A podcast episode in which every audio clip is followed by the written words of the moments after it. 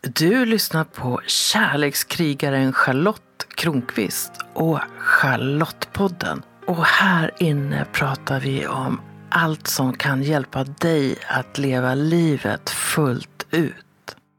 Hur kommer det sig att en doktor i psykologi drabbas av utmattningssyndrom?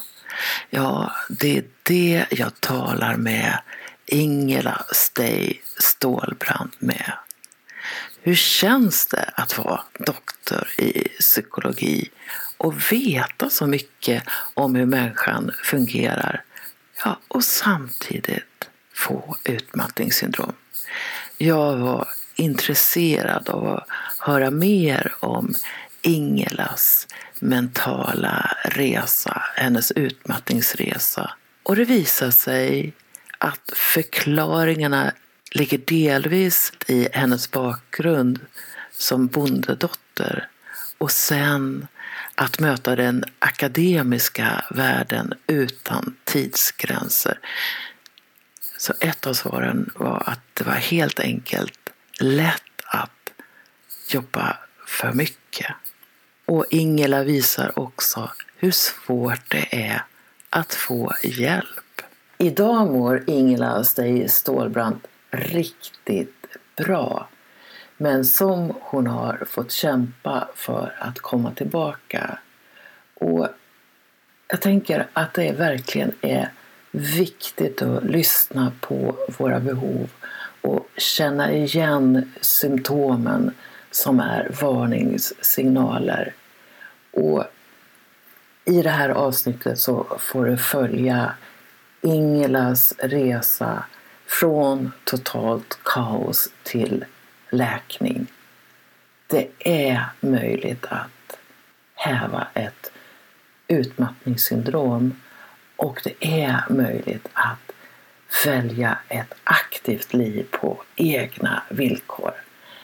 Här är Ingela Stay Stålbrant och jag som möts i hennes sovrum under hösten 2020. Och ibland så hör du något skrammel i bakgrunden och det är våra män som förbereder middagen som vi åt efter samtalet.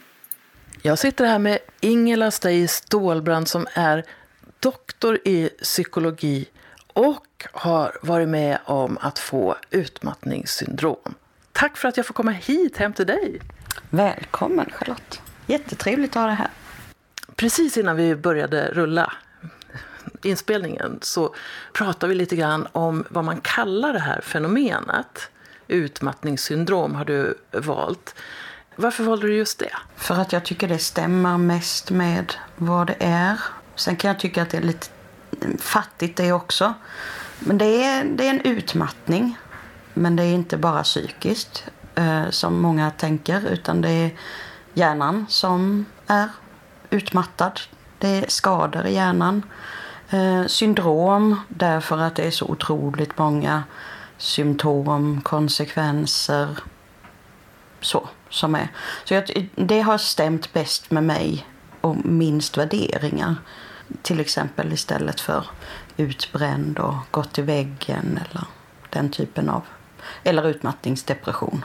Och när du säger, eh, kallar det för utmattningssyndrom, då tycker du att det finns något hoppfullt i det snarare än andra beskrivningar mindre hoppfulla, eller? Ja, nej men så är det. Alltså för det är ju ingen riktig värdering. Men pratar du om utbränd. Om man tittar på den här tändstickan som är utbränd, eller elden som är utbränd, så finns det inget kvar. Mm. Det finns ju ja, möjligtvis aska som man kan lägga på växterna som kan få nytt liv. Men själva materialet där är ju, det är ju borta så det, liksom, det finns ju inget hopp.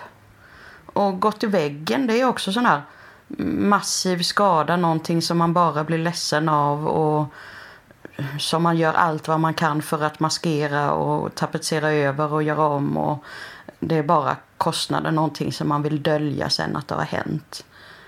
Så att jag tycker att de orden signalerar både skam och skuld och dölja och icke-hopp.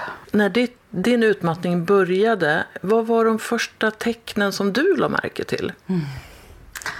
Ja du, jag blev ordentligt sjukskriven kan man säga 2015 i februari. Men jag hade i min journal på Företagshälsan att man hade utmattningssyndrom, frågetecken i min journal redan 2011 i samband med att jag disputerade. Och innan dess så finns det journaler på mig ungefär varje vår på akutmottagningarna på vårdcentralen där eh, man hade hittat hjärtarytmier, där ehm, jag hade massiva inflammationer i ryggen. Skador. Jag var en olycksfågel under många, många år innan 2015. Egentligen från, vad ska vi säga, från 2000, ja någonstans där. Jag skulle nog säga 2006, 2007, någonting sånt. Eh, jag snubblade på gatstenar som egentligen inte låg fel men trillade handlöst. Och det, det trodde ju jag var... Jag fick ju förklaringar av optiken till exempel att men det är för att du har eh, synfel, det är för att du har astigmatism, att eh, du kan få lite problem med dubbelsyn eller få problem med avståndsbedömning och, och sådana saker. Men det var så tydligt i min rehab efter att balans och yrsel var ju en jätteproblem och det trodde jag ju bara var en naturlig del att jag var som jag var.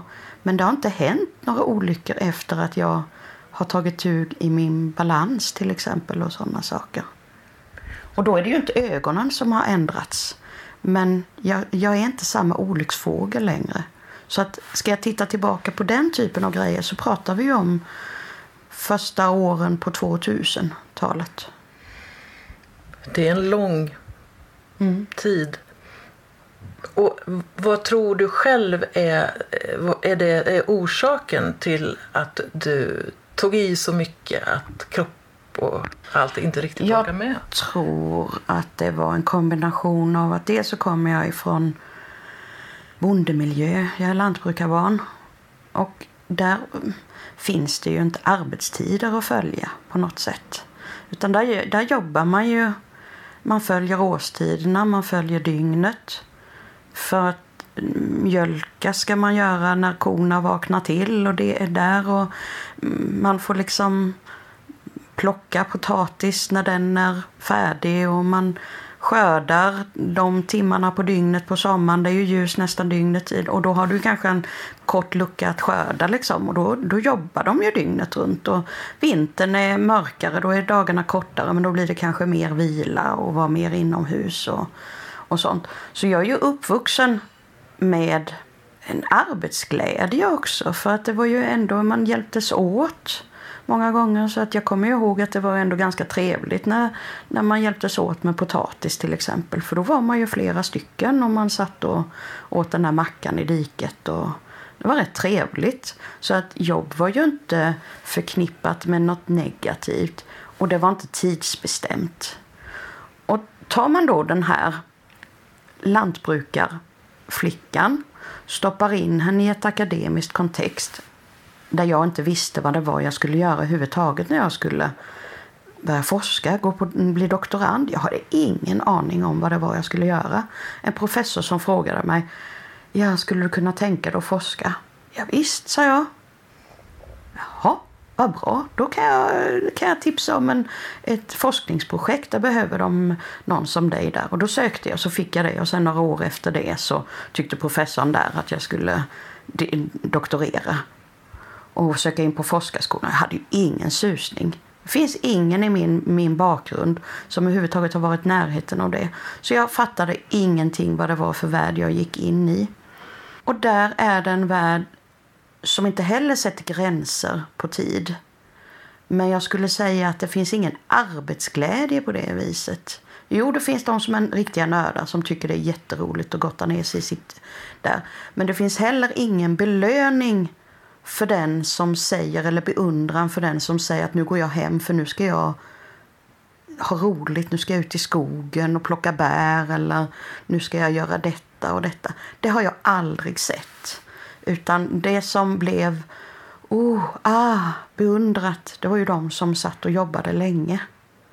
Så att när jag var i den, då, då liksom kommer man ifrån den här miljön där man inte heller har lärt sig att sätta tidsgränser, har en arbetsglädje med sig, vet inte hur det fungerar i den akademiska världen. Och där jag någonstans kanske blir lite utsatt för någon typ av rovdrift. Min oförmåga att säga nej, min okunskap om skrivna och oskrivna regler blev inte en bra kombo. Så att jag skulle säga att det var en kombo av både organisatoriska faktorer och mig som individ i det sammanhanget. En paradox är ju att du å ena sidan jobbar med saker, du vet mycket om psykologi, du, du kan känna igen vad människor kan drabbas av och så blir du själv drabbad. Hur mm. tänker du om den paradoxen? Den var jättejobbig. Den var, åh, jag blir rörd bara jag tänker på den. Det var så otroligt mycket skam eh, med att när jag blev sjukskriven i februari den där jag, jag grät på vårdcentralen när jag fattade att jag inte skulle kunna komma tillbaka till arbetsplatsen. För han sa ju bara, du får inte. Du är jättesjuk. Och jag fick ringa in till institutionen och där var de ju tack och lov väldigt bra. Så att de liksom, nej men det är lugnt, nu ska du vara sjuk. Och jag hade bytt chef och han var också stöttande på det viset och liksom hjälpte till att sätta mig på avbytarbänken, vilket jag inte riktigt ville. För just det här att då skulle det ju märkas att jag var sjuk, att jag var svag. Men vad var det, det som akut hände som fick dig att gå till vårdcentralen? Jag hade, i alla fall ett år innan hade jag varit hos min förra chef. Och sagt till honom att nu börjar det bli jättejobbigt. Vi måste prata om min situation för att jag börjar få ångest bara jag tänker på mejllådan. Jag klarar inte riktigt av att öppna mejlen längre. Jag mm, jag tycker det är jobbigt att åka in hit till arbetsplatsen. Jag är nästan lite rädd för att möta studenterna för att jag förknippar dem med krav. Även om att möta studenterna var det roligaste jag kunde tänka mig. Um, och sen var det ju att sömnen började gå åt skogen. Att jag började märka att jag sover inte som jag ska. Och då fick jag ju svaret att Nej, men det är klart du ska ha hjälp. Du ska nog ha terapi. Fixar du det själv? Och i det läget jag var då, när, när jag var sjuk redan ett år innan, så blev det att jag orkar inte en sak till. Så att jag tog mig fram det här året och så fick jag en ny chef. Och då hade jag ju märkt på hösten att jag blev ju bara sämre och sämre. Så att när han blev den nya chefen så tog jag kontakt med honom ganska snabbt att du, vi behöver ha ett samtal om min situation. Och då när, vi kom, när jag kom in till honom och berättade att nu sover jag inte, jag sover var tredje, vart fjärde dygn. Jag är, och jag var ganska rak mot honom och berättade att jag känner mig nästan som en missbrukare. Jag är hemma för att jag inte vill vara och jobbar hemifrån för att ingen ska se när jag somnar framför datorn. Eller när jag kraschar. Eller när jag gråter. Jag gör det jag absolut måste för att ingen ska upptäcka det som en alkoholist eller någon som kan gömma flaskorna i lampkronan för att inte bli påkommen och bara kunna klara dagen. Och då tittade han ju på mig och sa, men borde inte du vara sjukskriven? Och jag sa det, jag har försökt under de här åren. Jag har, jag har försökt att sjukskriva mig flera gånger. Men den gången när jag höll på att få blödande magsår så satt jag hemma i soffan och skulle inte göra någonting. Och lärarna ringde hem och frågade om jag ändå inte kunde rätta tentor när jag ändå satt där. Och jag, så att jag slutade att sjukskriva mig eftersom jag tyckte att jag fick bara dubbel eh, bestraffning. Jag fick ingen lön. Jag fick de här straffdagarna liksom i sjuklön och ändå fick jag göra jobbet men det blev ju dubbelt upp eftersom jag hade sämre kapacitet och, jag och det blev på tiden när jag skulle göra annat och planerade in. Så det blev ju bara jobbigare och jobbigare. Och det sa jag till honom att jag har slutat sjukskriva mig, jag har slutat be om hjälp för att jag har försökt att få hjälp så många gånger och det har inte funkat. Nu, jag måste, du måste hjälpa mig på något sätt. Och då så sa han ju det att jag, jag som arbetsgivare kan inte göra någonting här och nu utan du måste gå till vårdcentral för att vi måste utesluta att det är någonting annat. Och sen efter det så kan vi dra igång med företagshälsovården. Men du måste göra det först. Och när jag kom till vårdcentralen så trodde jag att jag bara skulle få någon typ av intyg. Men den läkaren på vårdcentralen plockade ner mig i bitar. Och bara ja, nailade allt. Så att han fick mig att berätta också allting om hur illa det var och allting som var fel och hur illa min kropp funkade och hur illa min nattsömn funkade och hur, liksom att jag, hur hjärnan, hur jag inte hade något minne, hur jag hade tappat språket. Jag blev afatisk, jag kunde inte hitta ord. Jag tappade all engelska. Jag förstod ingenting av det. Jag kunde inte titta på eh, tv, jag kunde inte läsa, jag kunde inte... Jag förstod inte. Så jag trodde ju mer eller mindre att jag håller på att bli dement. Och han liksom fick ju se det här och det var då han sa att du är, du är jättesjuk. Och du får inte jobba i det tillståndet du är nu.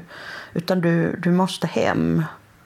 Du, du måste tillåta dig att släppa taget och sova, göra vad du behöver för att senare orka ta dig tillbaka. Men, och då var jag så envis som många andra i det läget så att man bara, nej men max en månad, sen kan jag ta mig tillbaka. Men det som händer ofta där när man, när man blir sjukskriven och man faktiskt börjar släppa taget och man får ett arbete som också stöttar att, att man kan släppa taget så blir man ofta sämre. Så att jag blev jättesjuk. Så att jag sov ju i ett halvår, typ. Lite så som man gör när folk får hjärnskador, när man söver ner. Så fixade kroppen det på det viset själv. Vad fick du för stöd från dina närstående? Ja, eh, det var ju tur att jag var nyskild så jag hade bara min son varannan vecka. Så att de veckorna jag hade honom så fick jag ju gå upp, se till att han kom till skolan och så fick jag gå hem och så fick jag sova. Och sen fick jag se till att eh, hålla mig vaken och se till att han fick mat och fick det han behövde. Och sen när han gick och la sig så fick jag också gå och lägga mig. Typ och sen så hade jag vänner som kom och ibland bara satt bredvid mig, som kom och hjälpte mig att städa, som handlade till mig, som såg till att jag åt, som såg till att jag drack. Kunde du be om det? Det satt extremt långt inne. För den här autoreplyet, att, att berätta att jag inte fanns på plats på jobbet, det tog nog ett halvår innan jag kunde koppla på det. Jag låtsades som att jag fanns på jobbet fortfarande. Är det skam det handlar om? Eller Jo, men det var det. Det var väldigt mycket skam. Jag kommer ihåg, jag kommer ihåg mina tankar från den tiden. Att, att jag tänkte att om jag, om jag visar det här så kommer jag aldrig mer få ett jobb. Jag kommer, jag kommer inte få tillbaka mina arbetsuppgifter. Folk kommer verkligen tro att jag är värdelös, att jag inte klarar någonting. Och det du var tvungen att göra var att trots det släppa taget? Tack och lov har man ju en klok kropp som tvingade att släppa taget. Jag kunde inte annat. Det var verkligen så att jag kom inte upp ur sängen. Jag kunde sätta mig upp på morgonen och tycka att men nu är det ju dags för mig att gå upp. Och så bara kände, eh, kände jag väl för en halv minut att nu är jag pigg. Och sen så, nej det är jag inte. Jag ska bara vila en stund innan jag går upp och äter frukost. Och så vaknade jag vid elva igen. Och så tänkte jag, ja men jag måste ju upp och äta någonting. Det är ju lunchdags. Kanske kom till toan, gick på toa. Och sen bara, ja fast jag är jättetrött. Jag måste nog bara gå och lägga mig en stund. Och så vaknade jag framåt eftermiddagen. Och vissa dagar som man var piggare så blev man så bara, ja. Och sen så kanske man hann utanför dörren och sen så orkar man inte mer.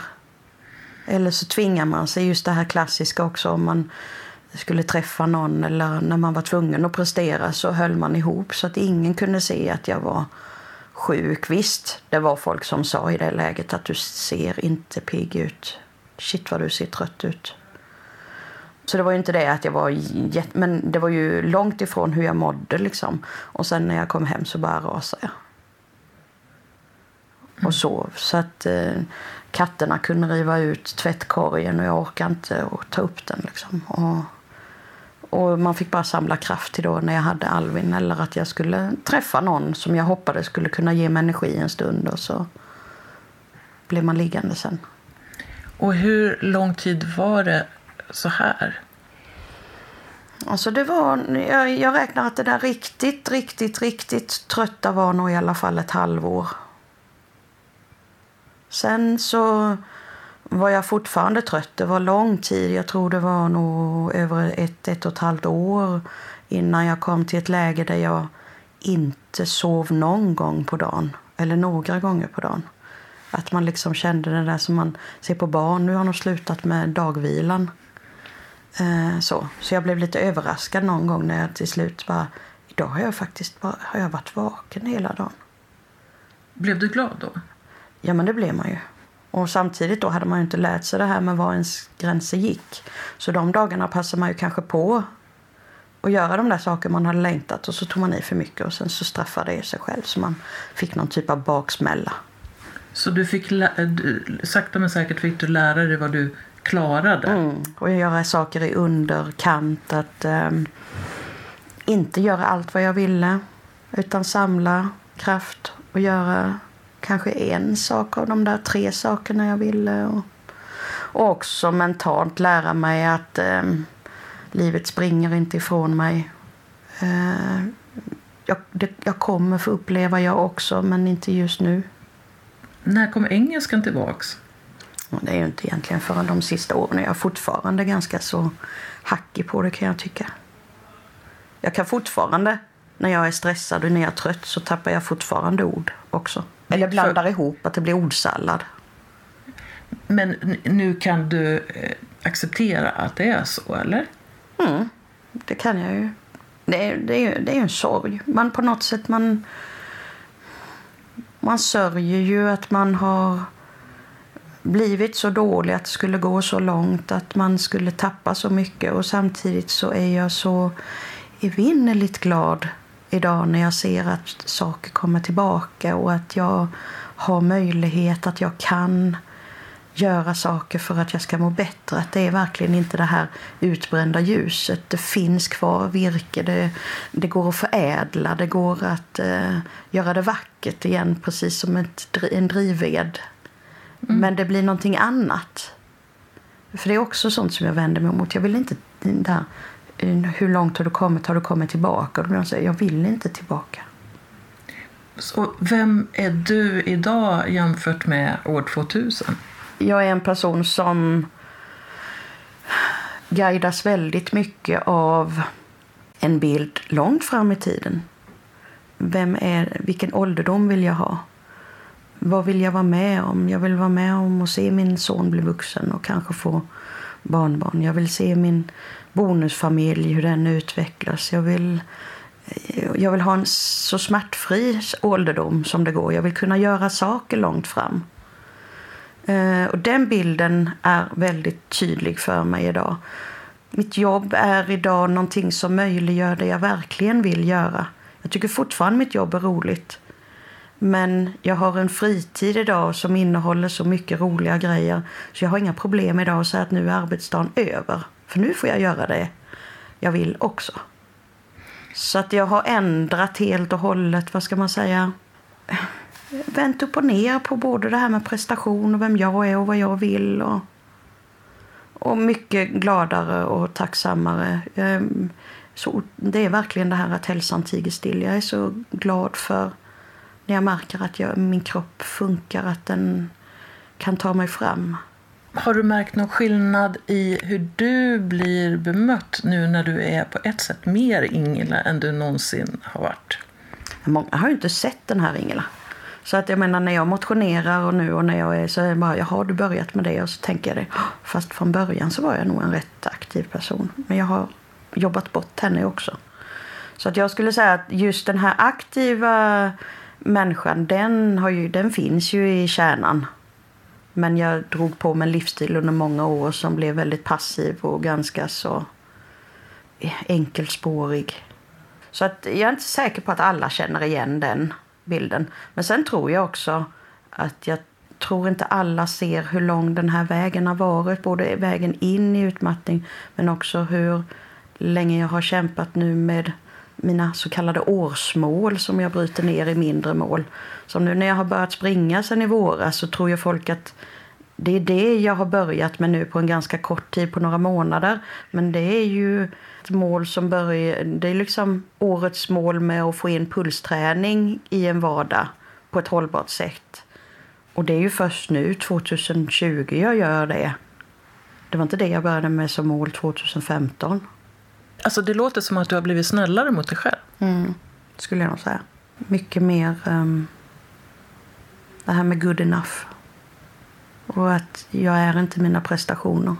Sen så har jag ju släng av det som alla andra. Men inte alls på samma sätt längre. Den här inställningen som du har, som du säger nu, tror du att den påverkar läkningen? Ja, men det tror jag. Det var nog först när jag började bli snäll emot mig själv och började just alltså det här inre barnet liksom. När man, när man liksom tänkte på ja, men om, om ett litet barn eller någon annan jag känner hade mått så här dåligt, vad hade det behövt? Och då när man liksom inser att jag gjorde precis tvärtom mot den bilden det var väl då jag bara, ja men hur kan jag må bra då om, om jag upplever att världen inte ställer upp för mig, om jag inte själv ställer upp för mig själv? Vem sjutton ska göra det då? Väldigt bra fråga. Jag tror ju att, jag brukar prata om självkärlek, men självacceptans och sånt, att, mm. att det är en bra start för många olika saker. Ibland så tänker jag att det här jantetänkandet som fortfarande lever kvar en del kan vara bromsare mot folkhälsa snarare än befrämjare. Absolut. Jag möter ju flera fortfarande som tycker att Åh, det är så imponerande att du tar tid för dig själv och att du tar dig själv på allvar och, och att du gör det här. Men eh, jag har så svårt för det eller jag kan inte det för jag har inte tid med det. Eller, eh, så här, men, och då blir jag så här, mm. Så det är ändå ett val i slutändan. Och det är, det är ett val man faktiskt måste göra. Ja, jag har ju tänkt flera gånger så här att det är ju ingen som tackar mig om jag eh, förstör min hälsa eller om mm. jag gör saker till andra på min egen bekostnad. Och... Man kanske kan göra det i, kort, i ett kortsiktigt perspektiv, men inte i längden. Nej, men till exempel när man är småbarnsföräldrar mm. så är ju deras behov eh, ibland viktigare än ens egna. Absolut, det... men till och med där kan man ju på något sätt jag vet att det finns många som är ensamstående som lever i en fruktansvärd situation. Men även där kan man ju tillåta sig. Jag menar, jag vet att det är många som till exempel inte sover när barnet sover. Och man tjatar ju om det där. Se till att sova när barnet sover. Ja, men då ska jag hinna detta. Då ska jag hinna detta. Och man bara, ja men du har valet att faktiskt gå och lägga dig. Det kanske inte är lika roligt, men det kanske gör att du orkar göra det andra sen. Så att bara, bara där finns det ju också en möjlighet att kunna göra ett val för sig själv också. En av konsekvenserna av att du har varit med om det här är att du har blivit bättre på att göra val. Mm. Vad är viktigt när du väljer att säga ja till något? Nej, men det är nog att det är någonting som funkar att säga ja till både kortsiktigt och långsiktigt och någonstans där jag har mitt hjärta med. Som ligger i linje med mig själv, inte vad andra vill. När kom du tillbaka till jobbet första gången? Jag släppte ju inte helt. Jag, kunde, jag var ju några jag handledde den där våren.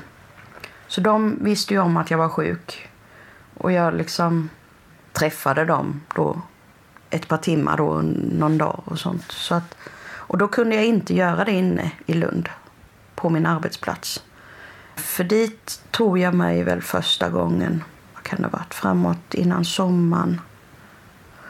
Och då var det en kollega till mig som fick möta mig några hundra meter utanför en arbetsplats. Fick hålla mig i handen när jag närmade mig byggnaden. Och sen när jag kom in i huset så fick jag sånt stresspåslag så att jag typ sa hej och sen så fick jag gå ut och så fick jag åka hem och så fick jag sova för då var jag helt slut. Och sen var det nog en gång till. Den var väl inte riktigt lika illa men Men det var också, jag orkade inte att vara i byggnaden ens en gång mer än ett par timmar. Så att, eh, ja. Jag försökte, min chef var ju sådär att kom in i huset, gör något roligt, kom och fika med oss. Kom bara och säg hej. Du behöver inte jobba, du ska inte göra, men kom in i byggnaden. Se att den är inte farlig. Så det var ju ren exponering, ren fobiträning. Är det det som du menar på ett sätt hände? Att du fick en fobi Jo, mot jobbet? men alltså det, det är också, det finns ju en del av det här med utmattningssyndrom att man får fobi för lite det som man förknippar. I mitt fall då för byggnaden, för jag förknippade den med arbete. Men även då att öppna datorn, öppna mejlen blev ju också någon typ av fobi.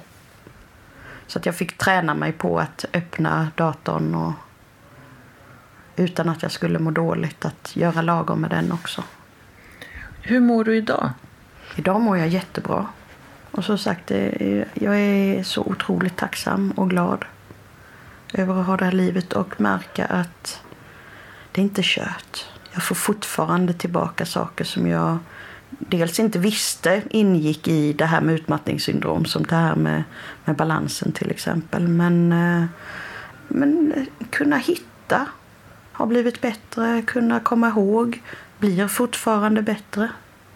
Jag trodde att delar av det min, den typen av minnet skulle vara borta men faktiskt så märker jag förbättring även i det så här lång tid efteråt.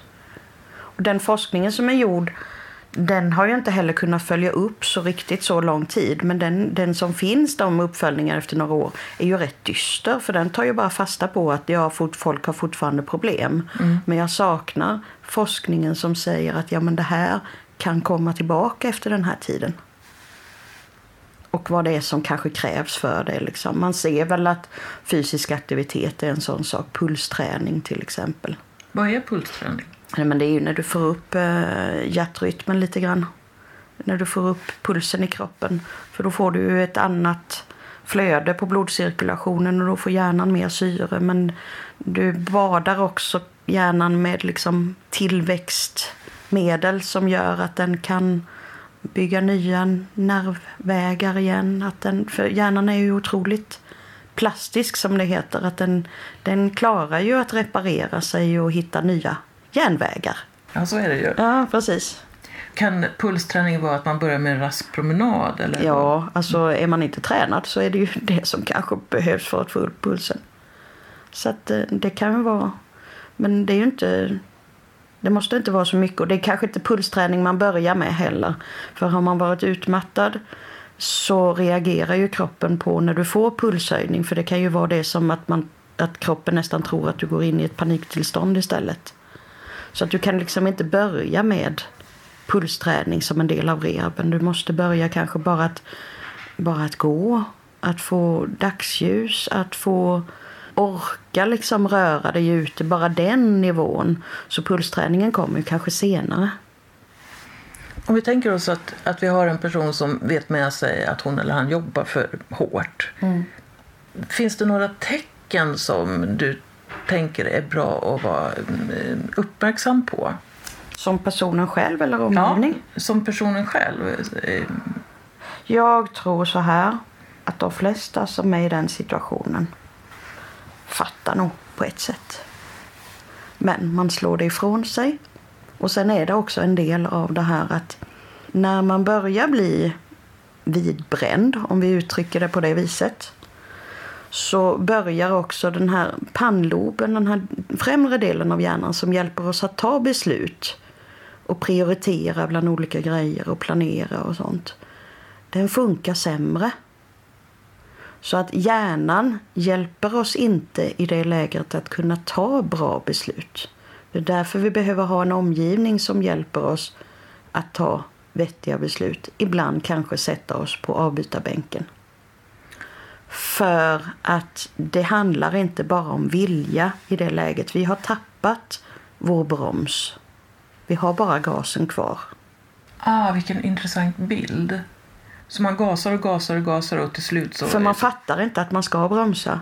Det handlar inte om att man inte fattar. Alltså, så man kan mycket väl ta in det intellektuellt men du har liksom tappat handlingsförmågan att kunna sätta det i ett större kontext, att kunna se konsekvensen av det eller tro på det. Så att det är ju ingen som har, som har blivit utmattad som, har, som om man frågar dem att ja, när planerade du för att gå in i utmattning? Så är det ju ingen som har gjort liksom. Utan de flesta då, eller många beskriver det som att ja, en krasch. Och man kommer ihåg när det hände. Det blir de här ögonblicksbilderna. Men det är väldigt många också som beskriver just den här vägen innan, den här tiden innan. Där det ändå finns, precis som du började med att fråga mig. Jag, jag ser ju, men man kanske inte lägger ihop prickarna där och då. Utan det är någonting man kan göra när man tittar i backspegeln. Och när man är i det så kan man känna igen sig. Som jag som faktiskt gick och frågade flera gånger. Men jag hade inte miljön som kunde stötta upp och som kunde hjälpa mig att ta det där sista beslutet som skickade iväg mig någonstans utan som istället frågade kan du lösa det själv. Och det är det sista man behöver i det läget i så fall.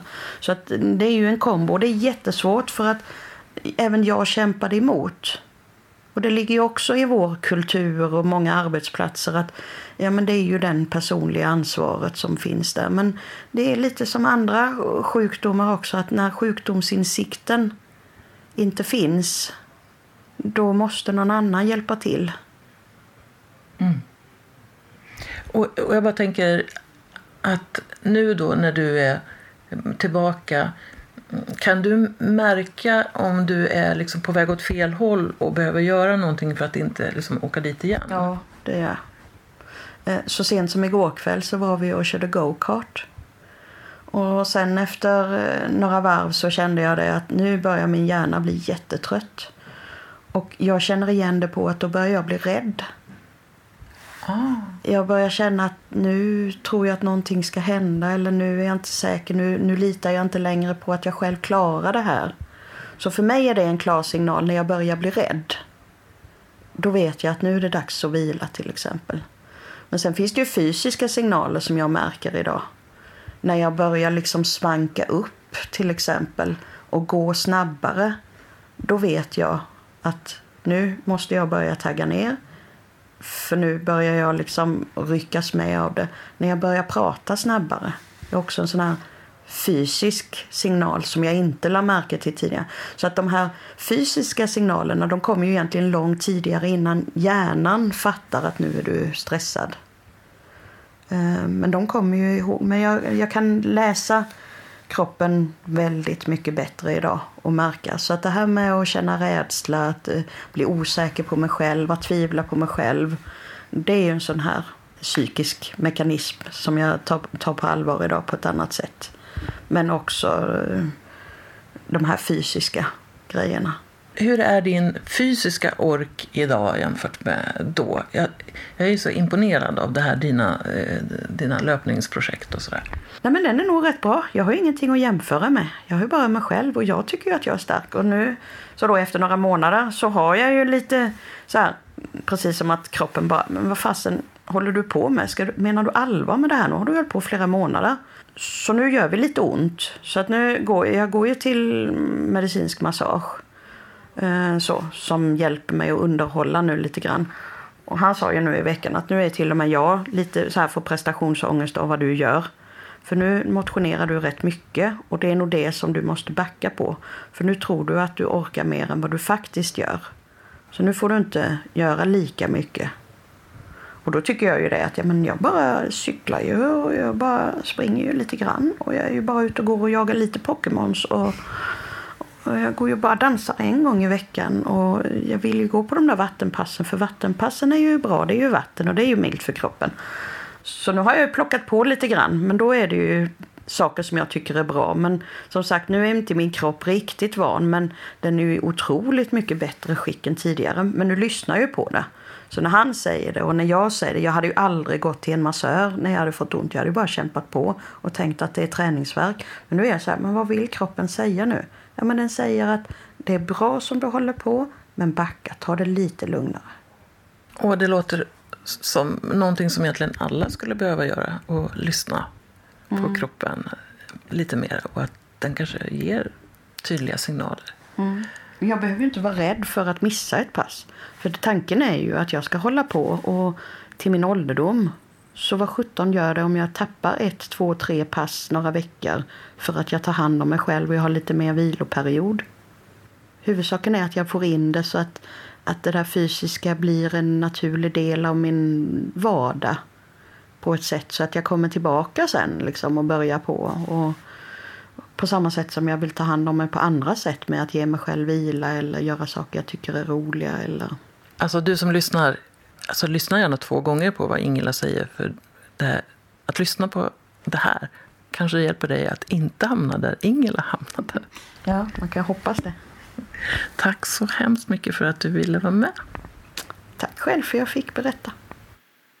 Jag är så glad att Ingela är tillbaka. Jag lärde känna henne innan hon gick in i sin utmattning. Och jag har också vetat om att hon har varit i en utmattning. Och det är så härligt att se att hon är tillbaka med en ny vitalitet. Hon pulstränar, hon är ute och jagar Pokémons och hon har satt löpmål.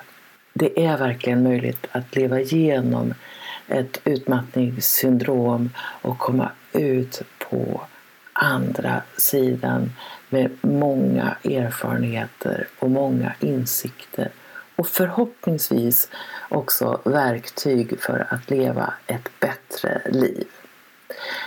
Och du lyssnar ju på mig, Charlotte Kronqvist, Kärlekskrigaren.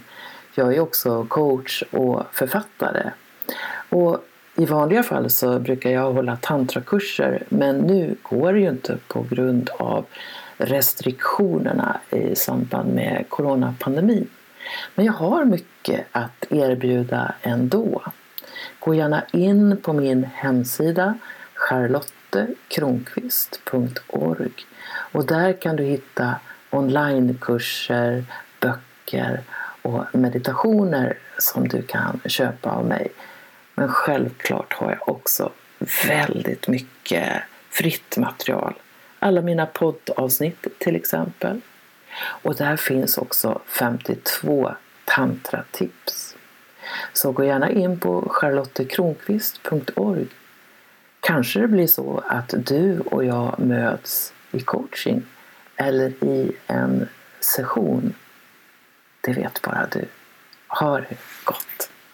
Kom ihåg att prenumerera på Charlottepodden så att du är med när nya avsnitt kommer.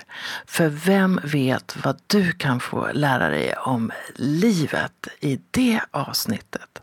Rekommendera gärna podden till en vän så är du med och sprider vetskap om att den här podden finns och berätta vad den ger just dig. Jag skulle bli så glad om du också går in i din podcast-app och lämnar en kommentar eller skriver en recension av podden. Ju fler som gillar podden öppet, desto fler kommer också att hitta den.